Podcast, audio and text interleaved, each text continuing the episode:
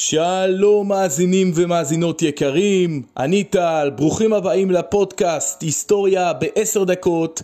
לפני שנתחיל, אני רוצה לספר לכם על הדבר הבא.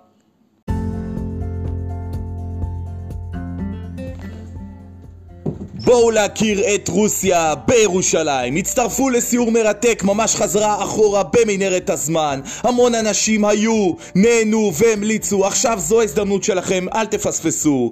לפרטים, היכנסו לקישור המופיע בפרק זה. לפרטים היכנסו לקישור המופיע בפרטי פרק זה.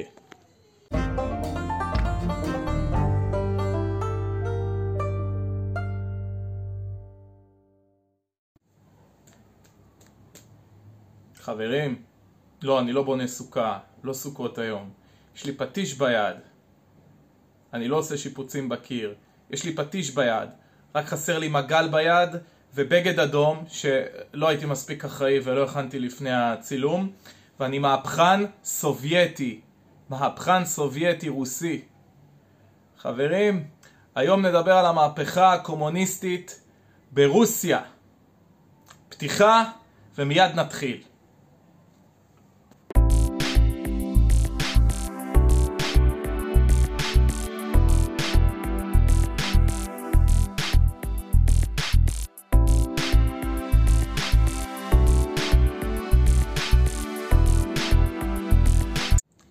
שלום לכולם, מה שלומכם? Привет, как дела. ברוכים הבאים לערוץ שלי היסטוריה בעשר דקות, אני טל, ואנחנו בעוד פרק על המהפכה הקומוניסטית ברוסיה, המהפכה הקומוניסטית ברוסיה. נעשה את זה קצת יותר דרמטי, בכל זאת זה אירוע מכונן.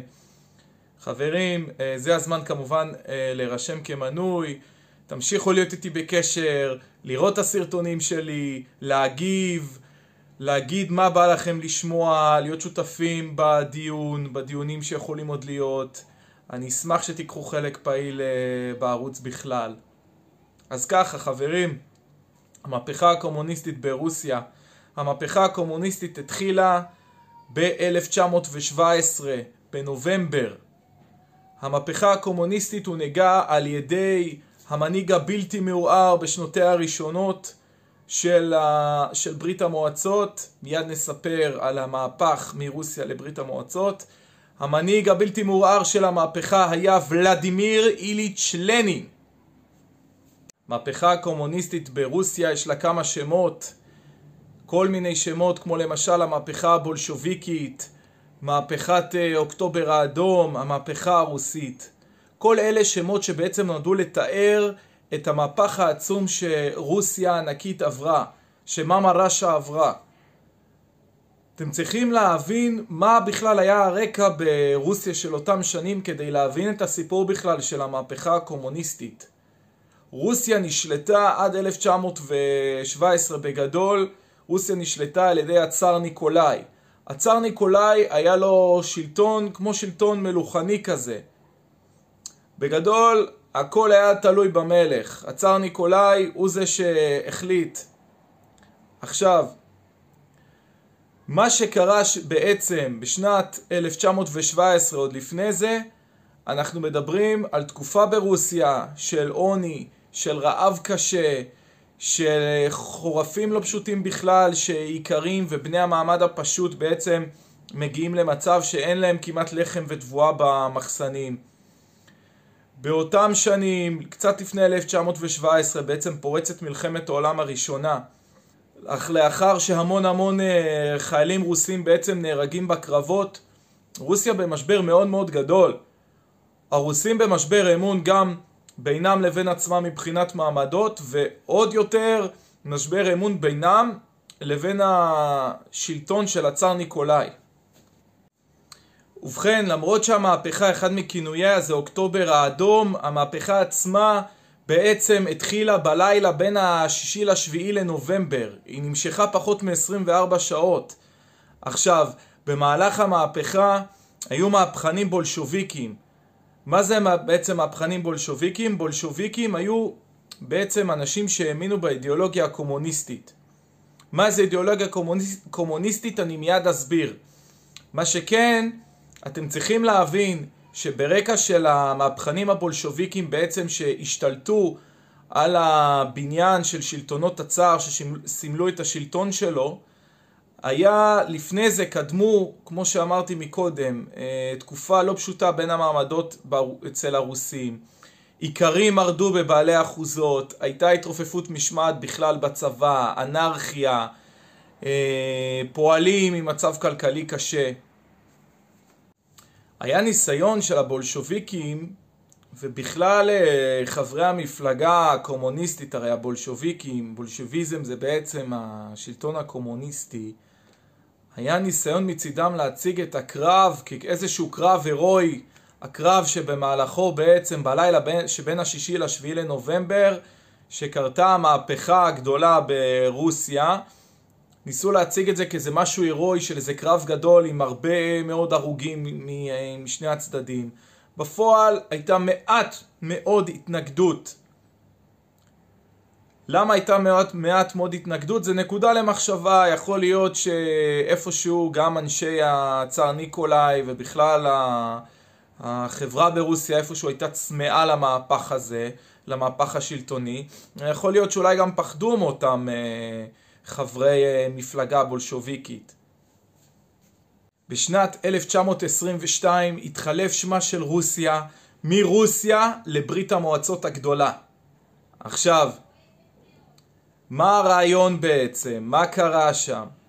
לפני התקופה שבה השתנה השם מרוסיה לברית המועצות, קדמה בעצם מלחמת האזרחים, מלחמת אזרחים באותה תקופה, בין uh, הצבא האדום בעצם, שייצג את המהפכנים, המהפכנים של המפלגה הקומוניסטית של הבולשוביקים, מול בעצם אנשים שעדיין תמכו אה, בשלטון של המלך, שרצו אה, להקים בעצם שוג, סוג של משטר אה, זמני ובעצם התנגדו להפיכה הבולשוביקית. היה מלחמה גדולה שבמהלכה אה, האימפריה של רוסיה גדלה לשטחי ברית המועצות. זאת אומרת, המהפכנים הבולשוויקים בעצם ניצחו ורוסיה התפלשתה אל עבר הקווקז, אל עבר בלארוס, אל עבר אה, אוקראינה ובעצם אה, רוסיה הגדולה הרחיבה את שטחה תחת השלטון הקומוניסטי, הבולשוביקי, הסובייטי, צורה מאוד מאוד משמעותית. ונקראה ברית המועצות החל מ-1922, עדיין תחת שלטונו של לנין. מה זה בעצם בולשוביק? בולשוביק זה אדם שמייבא את רעיונות הסוציאליזם והקומוניזם לרוסיה, על פי הרעיונות של קארל מרקס. ועכשיו, בואו בעצם נשאל את עצמנו את השאלה, אוקיי, אז מה זה קומוניזם? עכשיו נגיע לשאלה, מה זה קומוניזם? קומוניזם זה בעצם אידיאולוגיה. אידיאולוגיה שאומרת דבר פשוט. כל אמצעי הייצור עוברים לבעלות המדינה. אין דבר כזה רכוש פרטי של אנשים, אין דבר כזה הפרטה. כל התעשייה, כל המפעלים עוברים בעצם לבעלות המדינה, מה שנקרא הלאמה.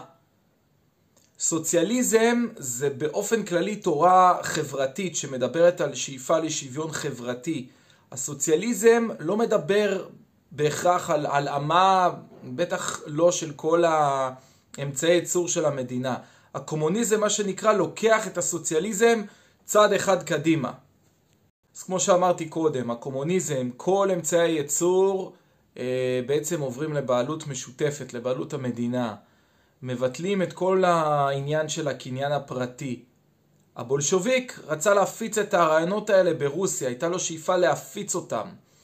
עוד עיקרון אה, של הקומוניזם שקארל מרקס, מרקס גם דיבר עליו במניפסט הקומוניסטי, זה הנושא הזה של אה, דיקטטורה של הפרולטריון.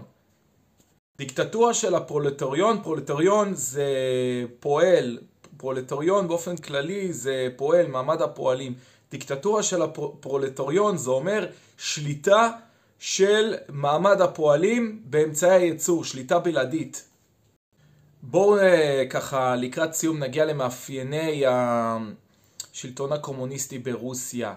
השלטון הקומוניסטי היה מבוסס על האידיאולוגיה אה, של קארל מרקס, כמו שהזכרתי קודם לכן, ועל אותם עקרונות. ומעבר לכך, האידיאולוגיה הקומוניסטית בעצם, מבחינת מבנה של ממשלה, אז לשרים למשל היו קוראים קומיסרים. אה, בואו ניגע קצת על מעמד היהודים. מעמד היהודים אה, באותה תקופה, בתחילת המהפכה, היה יחסית טוב, אה, להבדיל למשל מתקופת הצאר. היהודים היו משולבים במדע ובתרבות בברית המועצות. באופן כללי, הסובייטים, הקומוניסטים, שאפו לעולם טוב יותר. השאיפה לא הייתה רק שזה יהיה בתחום ברית המועצות, אלא בכלל לעשות מהפכה עולמית. דיברו על יצרנות, תיעוש, פיתוח טכנולוגיה. באותה תקופה אה, של השלטון הקומוניסטי, אז היה תנופה אדירה מבחינת אה, פיתוח טכנולוגיה ברוסיה, יצרנות של אנשים, תעשייה. ודיברו גם על חירות האדם ושוויון. כמה חירות היה לאדם בשלטון הקומוניסטי, זה כבר שאלה אחרת לגמרי. בשנת 1924 לנין נפטר, החל עידן חדש ברוסיה עם החלפתו של לנין בסטלין. רק על סטלין ובכלל לדבר שעות. תודה רבה שהייתם איתי. חשוב לי שתיקחו מהפרק את כל הנושא הזה של uh, מה זה בעצם אידיאולוגיה. עד כמה האידיאולוגיה שאני מאמין בה, עד כמה אני פועל כדי uh, לשכנע את הסובבים אותי ולהנהיג איזושהי מדיניות אקטיבית בחיי היום-יום. תודה רבה לכם, אני הייתי טל, ונתראה בפרק הבא של היסטוריה בעשר דקות. תודה. היכנסו גם לדף אינסטגרם של ערוץ היסטוריה בעשר דקות. קישור לשם בעברית וגם לשם באנגלית מופיע בדף הראשי של הפודקאסט. חבר'ה, עזרו לי להפיץ את הבשורה הלאה, היכנסו ועשו פולו. בדף אינסטגרם הזה אני הולך להציג את פרקי הערוץ בתקציר מפעם לפעם. חבר'ה, היכנסו לשם ונתראה גם בדף אינסטגרם. נתראה.